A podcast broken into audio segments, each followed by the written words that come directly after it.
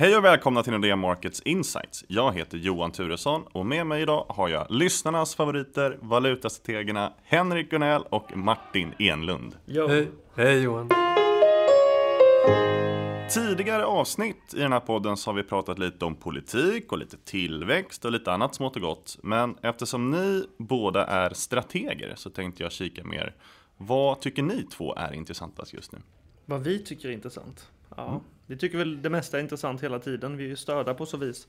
Men eh, politik, inflation och The Donald, det är väl det man har snackat om ute hos kunderna och kundmötena sista månaderna. Väldigt mycket fokus på Donald Trump eh, förstås och lite snack om inflation också mellan raderna. Um, tycker det är ganska kul om man ska säga någonting om det här. Det är att jag är gammal nog att komma ihåg hur det var den 7 november. Då betraktades Trump som ett hot mot tillväxt och säkerhet. Men nu i marknaden i alla fall så ses han främst som en finanspolitisk frälsare som kommer bringa lycka och välstånd till både världen och USA. Um, så det har gått väldigt långt i marknaden och det är inte så många som fokuserar på nedsidesrisker från eh, Trump helt enkelt.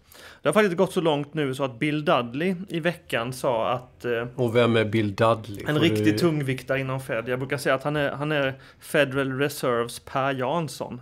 En viktig tjomme som är med och tycker om penningpolitiken där. Och Per Jansson sitter i Riksbanken. jag Precis. Ja. precis.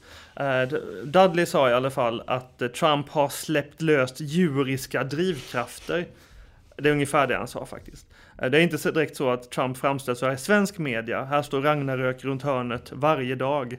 Men det är i alla fall den bilden som marknaden har just nu. Det är fantastiskt alltihopa. Um, får vi se hur, vart det här bär oss. Men Per Jansson hade lite annan syn på det där va? Ja, det, de har helt divergerande åsikter, Per Jansson och Dudley, eller Fed och Riksbanken, om hur man beskriver omvärlden. Eh, Riksbanken har den här fluffiga idén om att eh, Trump är, precis som Martin beskriver, ett stort hot mot världen. Och det må så vara, det kanske visar sig att han, är, eh, att han kommer vara det. Men det är ingenting som syns i marknadsprissättningen. Börser stiger, Dow Jones, S&P, Russell 2000, Nasdaq, allting tar nya highs och det är, nya, det är inflationspremier och tillväxtpremier i räntemarknaden och dollarn fortsätter att vara stark och, och alla de här indikatorerna på hur näringslivet mår, stora, små, medelstora företag, konsumenter, allting pekar rakt upp i himlen. Så att det är klart att när Riksbanken ger sin beskrivning av hur de ser på riskerna så landar det ju precis tvärt emot det som marknaden kommunicerar och det landar precis tvärt emot det som Fed kommunicerar. Mm. Men jag tycker man ska ha med sig att Riksbanken och alla andra centralbanker, de gör alltid precis vad tusan de vill. Och Riksbanken är väldigt, väldigt duktig på att hitta, hitta saker att oroa sig för. Och ska man vara lite raljant kan man säga att Riksbanken inte bara hittar saker att oroa sig för, utan även hittar på saker att oroa sig för. Uh, här kan man titta på vad Riksbanken diskuterade i februari. Och på första sidan i sitt penningpolitiska protokoll, som det bara är sådana som Henrik och jag som läser förvisso, men där uttrycker Riksbankens tjänstemän att att de uttrycker oro för hur amerikanska immigrationslagar ska utformas på första sidan i Riksbankens protokoll. Vad har Riksbanken med det att göra undrar man? Och vad har svensk räntepolitik med det att? Ingenting, säger vi. Och det är, precis, och det är, om jag bara får snabbt bryta in. Det är en, en fullständigt oproblematisk analys som Riksbanken gör och som de ändå väger in när de tar sitt penningpolitiska beslut och därmed också tar ett beslut kring kronan. Och det, de låter mer som en genomsnittlig svensk artist på Grammisgalan som håller någon form av tacktal. Det är fullständigt förutsägbart och det är en, som sagt var, en, en ytlig analys av läget. Henrik, är det så att Riksbanken är Hollywood-marxister? Skulle kunna vara. Um, man, man kan ju ta med sig det dock att i praktiken innebär det här att Riksbanken som hittar saker att oroa sig för, hittar på saker att oroa sig för, det gör ju att kronan kommer vara ganska svag ett tag till. Det är svårt att ha en prognos att kronan ska kunna gå rakt upp i himlen när Riksbanken beter sig som den gör. Um, även om vi tror att kronan kommer kunna stärkas så, så ja, den här retoriken kommer ju hålla tillbaka den i alla fall Ja. nästkommande sex månader eller så. Och det får man säga någonting där återigen för att referera tillbaks till det penningpolitiska protokollet och det och det som Riksbanken hela tiden trummar att Sverige är en del av Europa och vår penningpolitik kan inte avvika nämnvärt från ECBs eftersom det skulle ge växelkurseffekter och sämre konkurrensförutsättningar för svenska exportföretag etc. Och det där, det där har ju Ingves och, och, Riksbanken sagt under en lång period och jag kan skriva under på att under normala omständigheter så kanske det ligger någonting i den typen av resonemang. Men i dagsläget så är det ju fullständigt huvudlöst. Därför att vi har allt annat än en normal situation. ECBs penningpolitik som Riksbanken då tar rygg på det är inte ett konjunkturredskap som gasar och bromsar som det var innan finanskrisen kan man säga. ECBs räntepolitik anpassar sig till den svagaste länken i Europa och då pratar vi Italien, kanske södra Italien, Grekland, Portugal etc. Och det betyder ju att vår penningpolitik egentligen tar rygg på, på de levnadsvillkoren som är i de här länderna. Och det är ju en sak att Riksbanken jämför Sverige med Tyskland och tycker att vi har liknande ekonomier och därför ska vi i grunden ha samma penningpolitiska förutsättningar. Men ECBs penningpolitik är inte anpassad till tyska förhållanden, allt annat än tyska förhållanden. Så konsekvensen blir ju då att vi får en överhettad svensk ekonomi med putsade påfågelfjädrar som, är fullst, som ger en fullständigt felaktig signal både till näringslivet och till hushållen. Och, men tyvärr så är det så att både näringsliv och hushållen agerar på de här signalerna. Ja, det är väl naturligt på något sätt. Eh, man ska ha med sig, om man ska dra en krontwist på vad Henrik just sa, det är att det är inte Riksbanken som håller i nyckeln till dollar SEK, till kronans värde mot dollarn. Det är ECB som håller i den nyckeln så som Riksbanken, oavsett vad Riksbanken hittar på så är ECB oerhört mycket mer viktig för dollar stocky, som vi kallar det här, än vad Riksbanken hittar på. Och här tror de flesta ekonomer, inklusive våra ekonomer, att inflationen i Europa faktiskt ska stiga någon gång framåt slutet av året. Marknaden är sjukt skeptisk. Den har hört den här storyn förut och struntar helt och fullt i sådana här ekonomprognoser. Men när det väl blir så att inflationen i Europa börjar stiga på riktigt, då kommer det ge euron luft under vingarna och då kommer vi se dollar SEK börja komma ner igen. Det är inte Riksbanken som håller i den nyckeln, det ska man ha med sig. Det är ECB och ECB styrs som Henrik eh, påtalar av en inflationsmaffia helt enkelt. En italiensk inflationsmaffia som styr den centralbanken. Och där måste man ju se inflation innan det, de börjar skruva ner eh, QE-kranen. Skruva på QE-kranen.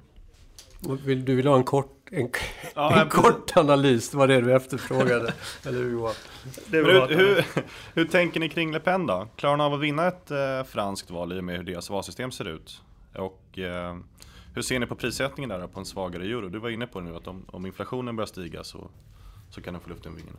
Ja, det här har man ju handlat på i europeiska obligationsmarknaden i alla fall under februari, så det har varit ganska volatilt. Franska bonds har åkt både upp och ner vad det nu betyder. Men det har i alla fall spilt över till euron som, um, som har gjort att euron är svagare än vad den annars skulle ha gjort för att det finns oro för att Le Pen kommer gå framåt igen kanske inför presidentvalet. Nu sista veckan så har ju Frankrikes Obama, som han kallas av vissa, Emmanuel Macron, han, han går bra i opinionsundersökningarna medan skandalerna haglar överallt utom just mot honom. Så sista veckan i alla fall så har marknaden dragit en lättnadens suck och man köper nu franska bonds igen. Um, och så som opinionsläget ser ut i Frankrike, det ska man ha med sig. Det är många som vill extrapolera fjolårets händelser, Brexit och Trump till Europa i år. Men det finns stora skillnader. Inte nog med att valsystemen är olika, utan opinionsläget är helt olika. Brexit ledde över Remain-sidan inför eh, folkomröstningen i Storbritannien i juni. De ledde flera gånger i opinionsundersökningar över de som ville vara kvar i EU. Um, och Trump ledde ju också över Clinton, i alla fall temporärt under sommaren i opinionsläget. Men de bästa opinionsläges, opinionsundersökningarna för eh, Le Pen visar att hon fortfarande är 10 eller 20 procent efter Macron eller Fillon som kanske snart kastar in handduken i sig. Så opinionsläget än så länge är helt annorlunda i Frankrike, vilket gör att många säger att det här är överdriven oro för Frankrike, eh, för det franska valet. Och även om Le Pen skulle vinna så är det en oerhört lång resa innan det kan bli någon folkomröstning om en så kallad Frexit, att Frankrike skulle gå ur EMU. Det Precis. är en väldigt liten risk även om de skulle vinna. Ja, faktiskt. exakt. Eh, och det finns en helt annan lojalitet i Frankrike visavi EU än vad, än vad engelsmännen historiskt har haft. Jag menar, britterna är ju, har ju ända sedan de gick med i tidigt 70-tal i EU har ju varit skeptiska. Och eh, brittisk press till exempel har, har ofta förordat någon form av annan lösning. Så att det kanske inte var så förvånande egentligen att, att man valde Brexit. Men fransmännen, den franska opinionen ger stöd åt, eh, på bredare front. Stora statliga lösningar, det ja. är liksom urfranskt. Ja, exakt. Och det är precis som Martin säger. Marine Le Pen kommer säkert göra bra ifrån sig. Men eh, hennes önskan om att eh, fransmännen ska gå ut ur EU, det, det, kommer nog inte materialiseras. Det finns många institutionella backstops, inte minst att fransmännen ska gå till parlamentsval, för det är parlamentet som till slut ytterst kommer att besluta huruvida man, man skulle gå ut ur EU eller ej. Och där lär hon inte få någon man, politisk majoritet. Ska man ta en marknadstwist på det här så så ska man ju ändå vara lite aktsam innan man ropar faran över helt. Till exempel så ägs franska obligationer till stor del av japaner, vilket är intressant. 12 procent av alla franska obligationer ägs av japaner. Eh, och de kanske har mindre förståelse för fransk politik än fransmän har, till exempel. Eh, och så som var läget inför Trump och presidentvalet i höstas så gick ju opinionen både upp och ner och den pendlade både hit och dit och det hände saker. Det var skandaler till den, e- på den ena parten den ena dagen, på den andra parten den andra dagen. Och Wikileaks höll på att släppa massa dokument och så vidare. Och liknande saker skulle ju kunna ske i Frankrike också som gör att Le Pen börjar komma tillbaka lite opinionen efter att man nu har dragit lättnaden en suck sista veckan. Skulle man kunna tänka sig att om två veckor, fyra veckor så kanske det ser lite bättre ut för henne. Men att hon skulle bli någon slags huvudalternativ att vinna presidentvalet, det känns fortfarande som en liten svansrisk. Precis, exakt. Väldigt liten svansrisk. Exakt. Om vi blickar tillbaka på USA då, så sköt ju prissättningen på att Fed ska höja räntan fullständigt i taket eh, i veckan. Vad händer? Och varför? Tjong i ränteballongen. Mm. Um, den enkla storyn är väl att uh, statistiken har kommit in så bra, eller indikatorerna på vart statistiken ska ha kommit in så bra. Så att uh, Bill Dudley och andra ledamöter tycker liksom att ja, men allt är fantastiskt. Um, och det är klart att om tillväxten vänder upp, inflationen vänder upp och riskerna uh, diffunderar generellt sett och mattas i omvärlden. Det är klart att det ser lite mysigare ut att höja räntan då. Det är väl inte svårare än så egentligen. Um, Tillväxtstoryn är väldigt, väldigt stark just nu. Det är ett reflationstema i hela världen eh, i stort sett och eh, i synnerhet i den amerikanska ekonomin som vi refererar, eller som jag nämnde tidigare så ser det faktiskt ut att om hårddata, det vill säga produktionsdata, konsumtionsdata och så vidare följer efter de signalerna som hushåll och näringslivet nu ger så ser det faktiskt ut som att det är sådana här knutar som har som har funnits under 8-9 års tid att de ska lösas upp. Jag tänker inte minst på investeringar. Vi har extremt eftersatta investeringar i amerikansk konjunktur. Och nu börjar signalerna komma att eh, det är på väg att, att hända någonting. Men som vi har sagt så många gånger tidigare, allting är priced for perfection lite grann. Tittar man på ja, börsen som jag nämnde och obligationsmarknaden, företagsobligationsmarknaden inte minst, så har ju februari månad varit en ja, bland, de, bland de bästa månaderna som vi har sett på, på 6, 7, 8 års tid. Så att det finns ju en oerhörd eufori och marknaden räknar inte med att Fed ska kortsluta vilket de kan göra naturligtvis med räntehöjningar som i, i sin tur kan leda till att, att dollarn stärks för mycket för, för en global omvärld som kanske finansierar sig i dollarn. Man räknar inte med att det ska inträffa men det går lite för enkelt just nu. Jag tror man kan ha med sig att som sagt marknaden är lite price to perfection. Eh, och sådana här mjuka data där man frågar folk om vad de tycker. Där, där ser läget oerhört gott ut. Och precis finansmarknaden prisar in att allt ska bli fantastiskt. Och där finns ju då risker att Trump inte levererar och risker att, att Fed kanske får någon slags hybris och höjer räntan eller stökar till det för mycket så att det här kommer av sig. Eh, och det kan man sammanfattas med en fråga att det finns väl en viss risk att allt vi ser bara är en Fox News-effekt. Mm. Och det är väl också det som förklarar varför Jansson är så dyster och Riksbanken är så dystra medan Fed är optimistiska. Riksbanken läser Dagens Nyheter och Federal Reserve de tittar på Fox News. Men hur kommer det sig att den här optimismen kommer just nu? För att även om Trump skulle leverera så kommer det fortfarande ta väldigt lång tid. Han har ju inte levererat någon budget än så länge. Och i sitt tal som, som han höll eh, senast så var det fortfarande väldigt få konkreta förslag på vad man ska göra. Nej, det är sant. Det är, så är det ju. Men vi, vi räknar ju ändå med att det här med Alltså att Trump på något sätt ofinansierade reformer, att en annan stats eller att en annan balansräkning annat än Fed ska börja jobba, det vill säga mm, statsfinanserna. Mm. Men det är ju så att marknaden diskonterar alltid saker innan de har hänt. Och då finns ju alltid risken att det händer inte. Nej, det är klart. Och vi har, vi har sagt tidigare att eh, en större stat, det ligger inte i det republikanska partiet. Så det är klart att det är lite motsägelsefullt att Donald Trump representerar ett politiskt parti då som ska börja dela ut pengar till, till medelklassen. Men det är ändå det som Donald Trump har lovat. Och vi tror ju att han kommer, i någon mån i alla fall, eh, infria sina löften. Och att eh, stora förändringar är på gång. Det, det glöder någon form av revolutionsglöd där ute.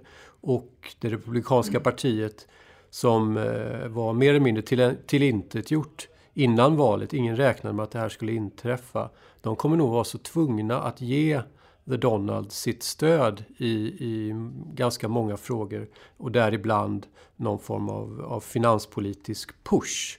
Och det kommer då addera till det här globala reflationstemat som vi tidigare har nämnt, där, där världen växer trots att, att vi ännu inte exekverat det som, det som vi tror ska komma i termer av, av mer expansiv finanspolitik. Jag, jag tror själv att Republikanerna, det partiet är inte längre ett republikanskt parti. Det kommer inte vara ett republikanskt parti snart. Det kommer stå klart. Det kommer vara ett, ett Trump-parti. Jag tror att Trump kommer påverka Republikanerna mer än Republikanerna påverkar Trump. Och jag tror att Trump kommer ha med sig Tea Party på en ny typ av politik som är tvärs emot vad Tea Party har stått för de sista tio åren. Ja, intressant. Martin och Henrik, stort tack för att ni var med idag. Mm, tack, tack. tack. Tack till dig som har lyssnat. Vill du ha fler analyser av oss så går du in på nexus.nordea.com. Tack!